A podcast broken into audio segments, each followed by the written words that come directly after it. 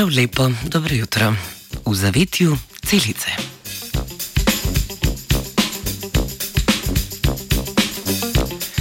Danes bomo govorili o neprijetnih okužbah sečil, ki jih ne malokrat povzroča bakterija Escherichia coli oziroma krajše E. coli. V reviji Nature Communications raziskovalna skupina ugotavlja, da bakterije lahko živijo tudi znotraj celic vaginalne sluznice, kar predstavlja rezervoar za pogosto ponavljajoče se okužbe sečil.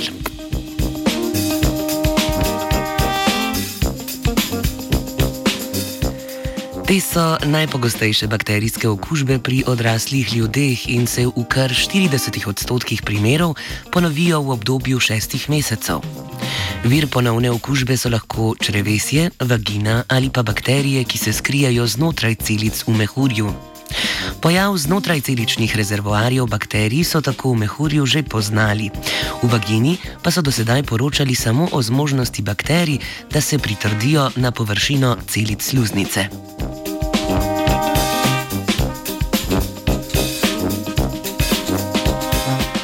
Raziskovalci in raziskovalke so želeli bolje razumeti interakcijo bakterij s celicami vaginalne sluznice. V ta namen so uporabili celične linije okužene z bakterijami E. coli, miši kot modelne organizme in pa vaginalne brise žensk, ki so imele ponavljajoče se okužbe mehurja. Z elektronskim mikroskopom so opazili dolgotrajno prisotnost bakterij znotraj celic in tako pokazali na sposobnost E. coli, da se po okužbi sečil skrije znotraj celic v vagini.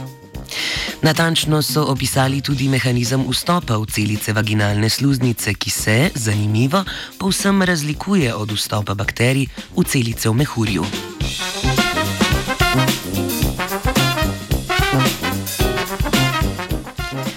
Bakterije so znotraj celic zaščitene pred zunanjimi dejavniki in so tako vir ponovne okužbe sečil, kjer se bakterije iz vagine razširijo v sečnico, mehur in ledvice.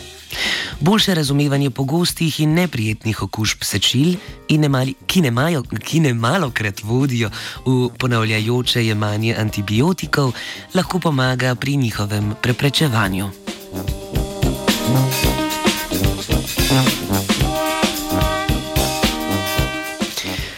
Britov, ki nas je mentalno zapeljal ta dol, je pripravila Katarina. Three.